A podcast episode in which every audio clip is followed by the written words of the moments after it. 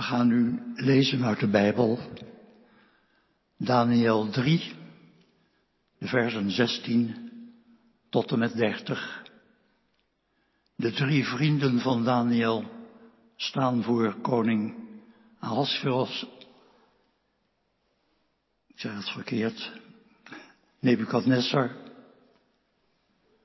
En die eist van hen dat ze het gouden beeld aanbidden.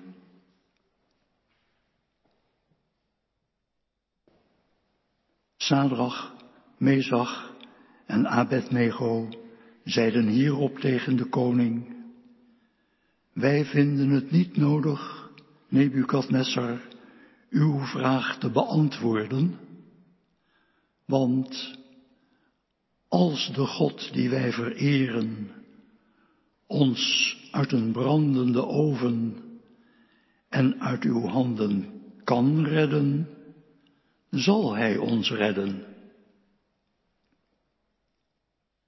Maar ook al redt Hij ons niet, majesteit, weet dan dat wij uw goden niet zullen vereren, noch zullen buigen voor het gouden beeld dat u hebt opgericht. Nebukadnessar werd razend en met een van woede vertrokken gezicht keek hij Sadrach, Mesach en Abednego aan. Hij gaf opdracht de oven zevenmaal heter op te stoken dan men gewoonlijk deed. Hij beval enkele van de sterkste mannen uit zijn leger om Sadrach, Mesach en Abednego te knevelen en in de brandende oven te gooien. De mannen werden gekneveld en met kleren en al, met jassen, broeken en mutsen in de brandende oven gegooid. Omdat het bevel van de koning strikt was opgevolgd en de oven uitzonderlijk heet was gestookt, werden de mannen die Sadrach, Mezach en Abednego naar boven brachten, door de uitslaande vlammen gedood. De drie, Sadrach, Mezach en Abednego, vielen gekneveld in de laaiende oven. Toen sloeg de schrik koning Nebukadnessar om het hart. Hij stond haastig op en zei tegen zijn raadsheren, wij hebben toch drie geknevelde mannen in het vuur gegooid. Zij antwoorden, zeker majesteit. Hij vervolgde, maar ik zie vier mannen vrij rondlopen in het vuur. Ze zijn ongedeerd en de vierde lijkt op een godenzoon. Nebukadnessar liep naar de deur van de brandende oven en riep, Sadrach, Mesach en Abednego, dienaren van de hoogste God, kom naar buiten, kom hier. Toen kwamen Sadrach, Mesach en Abednego uit de vlammen naar buiten. De satrapen, stadhouders, gouverneurs en raadsheren van de koning drongen naar voren. Ze bekeken de mannen en zagen dat het vuur geen vat had gekregen op hun lichaam.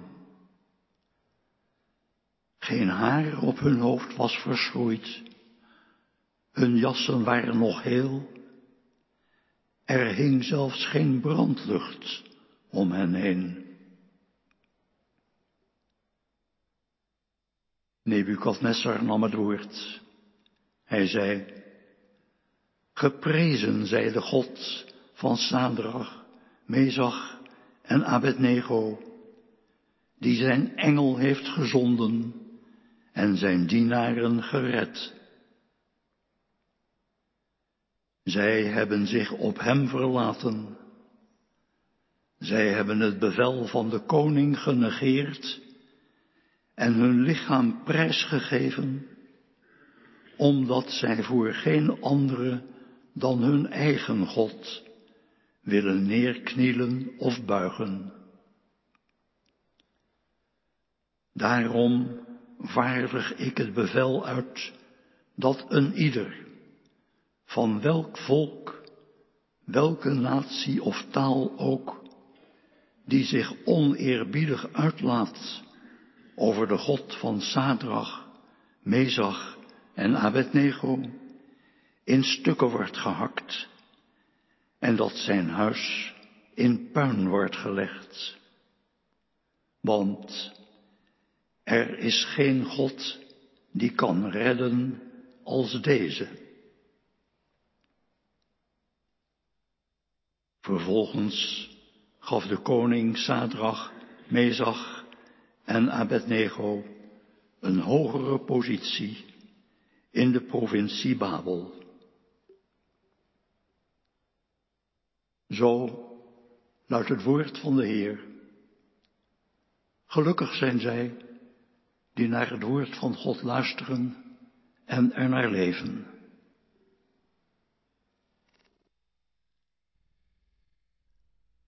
Gemeente van onze Heer Jezus Christus, broeders en zusters hier in de kerk en u die op dit moment of later met ons verbonden bent via de livestream. Familie en vrienden van Tinka, jullie te zijn. Leden van de ABC-kring, met wie Tinka het afgelopen jaar heeft opgelopen. Beste Tinka. Vandaag doe jij beleidenis. En in de gesprekken die we voeren, trof me enerzijds je vastberadenheid. Je zei, ik wil het niet nog een keer uitstellen nadat het met Pinksteren was uitgesteld. Uh, opnieuw zitten we in een soort lockdown. Kunnen met weinig mensen hier zitten, er mag niet gezongen worden. Maar je zei nee, vandaag wil ik graag dat het gebeurt. Je gerichtheid op de zaak spreekt daar eigenlijk uit, waar het om gaat vandaag.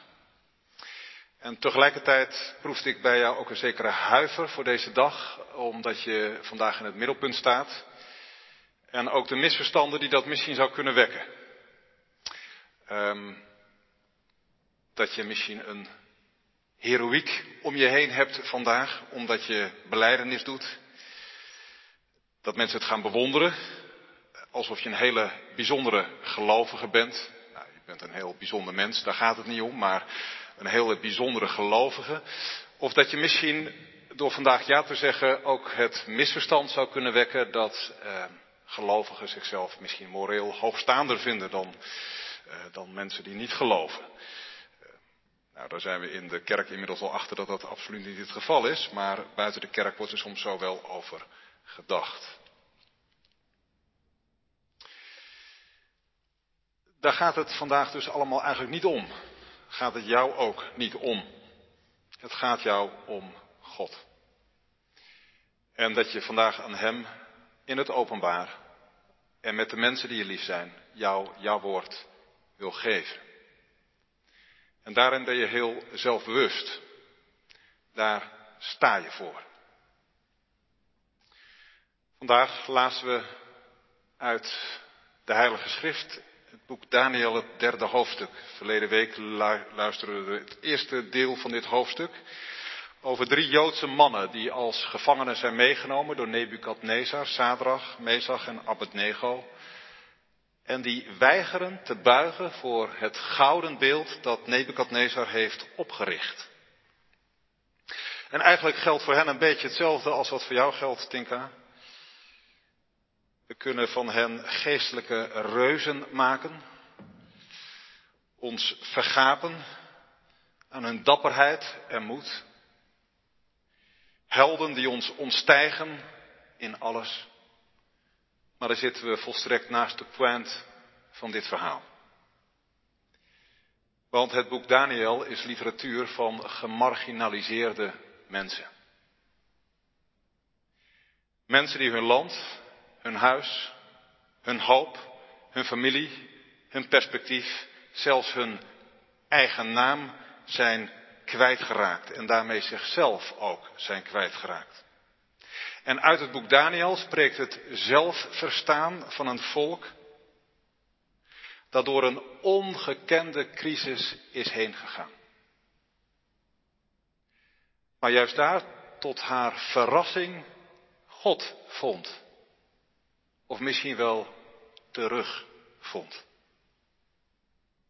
En daarover gaat het in het boek Daniel. Niet over deze drie mannen en wat ze doen, maar over hoe God in hun leven en door hun heen werkt.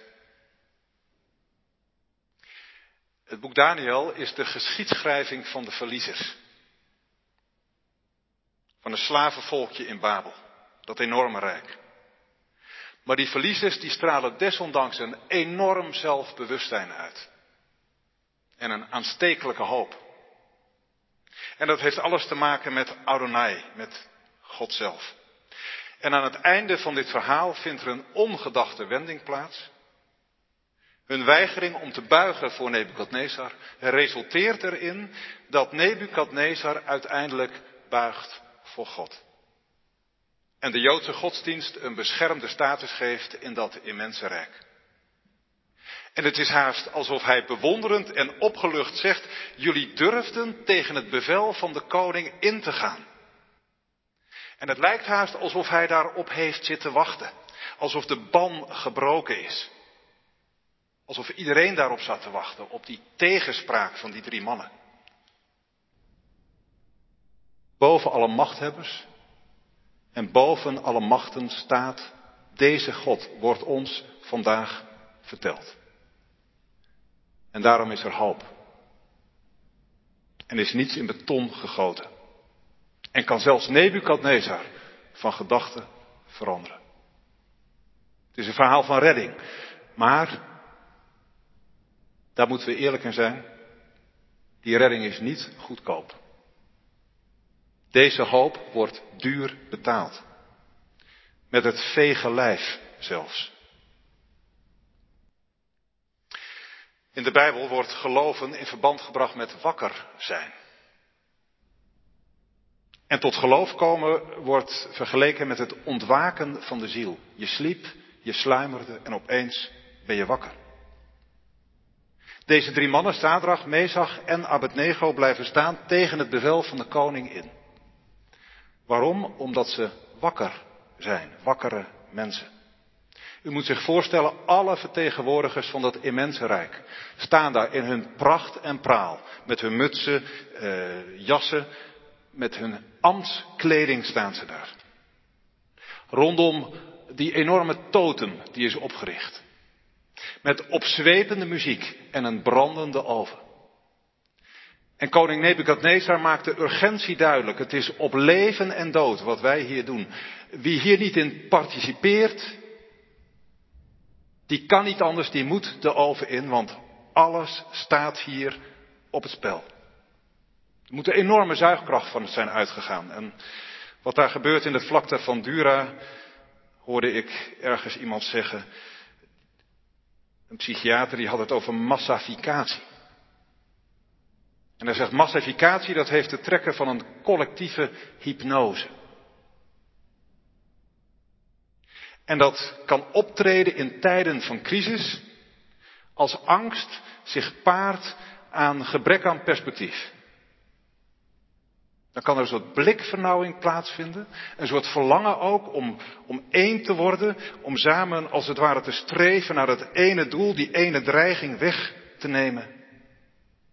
En er zijn mensen tot alles bereid. En wat is dat doel van koning Nebukadnezar?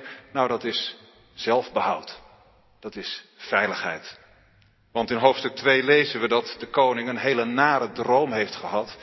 Een nachtmerrie eigenlijk. Hij, hij zag een beeld dat uiteindelijk vernietigd werd omdat het op lemen voeten stond. Het was verdeeld. Met andere woorden, mijn koninkrijk kan aan verdeeldheid ten onder gaan. Dat heeft Daniel hem ook uitgelegd. En nou lijkt het alsof hij in paniek raakt en zegt die eenheid die moet kosten wat kost worden bewaard en getoond. Daar hangt ons leven, onze toekomst, daar hangt alles van af.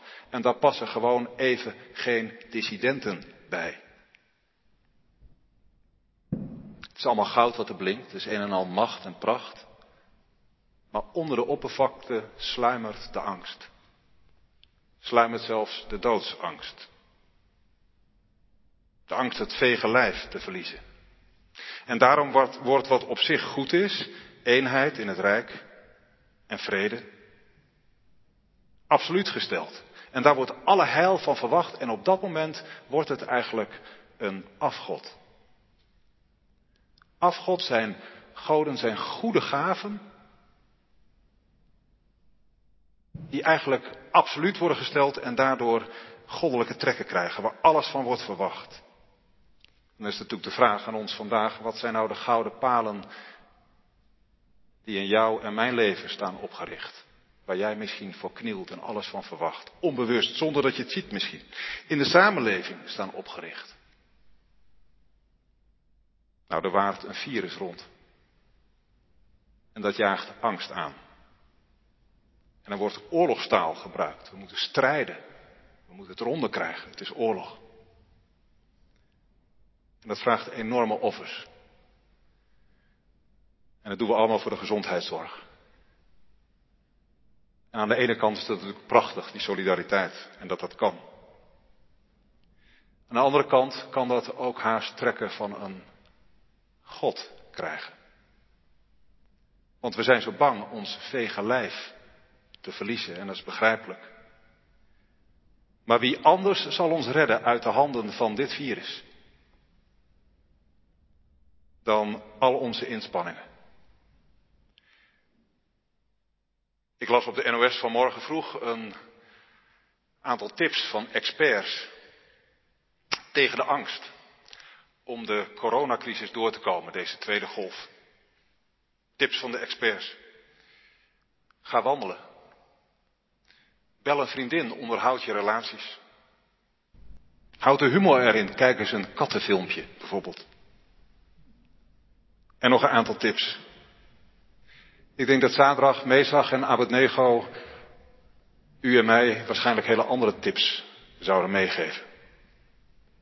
Ga eens bidden. Breng je ziel bij God. Kijk omhoog. En misschien zoek je buurvrouw eens op. En kook voor haar. Dien de ander. Want daarvoor hebben we toch onze gezondheid gekregen. Het is toch geen doel in zichzelf. Het is een middel dat God ons geeft om Hem en de naaste te dienen. Als God en de naaste in dienst komen van onze gezondheid. En we ons in die zin volkomen daarop gaan fixeren. Dan kan het ook zomaar een gouden paaltje worden. Dien elkaar. Zoek elkaar juist in deze tijd op, op welke manier dan ook, maar hou elkaar vast. Wij zoeken redding tegen onze angst en alles wat ons bedreigt. En deze geschiedenis gaat over redding. Daar gaat het christelijk geloof over, over verlossing en over redding. Maar één ding, die redding betekent geen bescherming tegen alle onheil. Dat vertelt ons deze geschiedenis ook. Gelovigen krijgen van God geen teflonlaag waarlangs alle verdriet en alle ellende en alle bedreigingen zomaar van ons afglijden. Dat hopen we misschien wel. Bewaar mij, Heer, voor de vurige oven. Maar dat is niet de boodschap van dit gedeelte. Nee, het is nog erger. Geloof brengt je juist soms in die vurige oven. En dat is geen pretje. Zelfs niet als God erbij is. Het is om hun geloof dat ze deze mannen de oven in worden gevoerd. En het bijzondere is dat ze eigenlijk daarom ook niet lijken te geloven. Bescherming is toch niet de kern van hun geloof, lijkt het. God kan ons redden, koning, zeggen ze. Maar zelfs als hij dat niet doet, dan nog zullen wij uw beelden niet aanbidden. Want weet u wat het is? Deze mannen zijn eigenlijk al gestorven aan dit soort goden.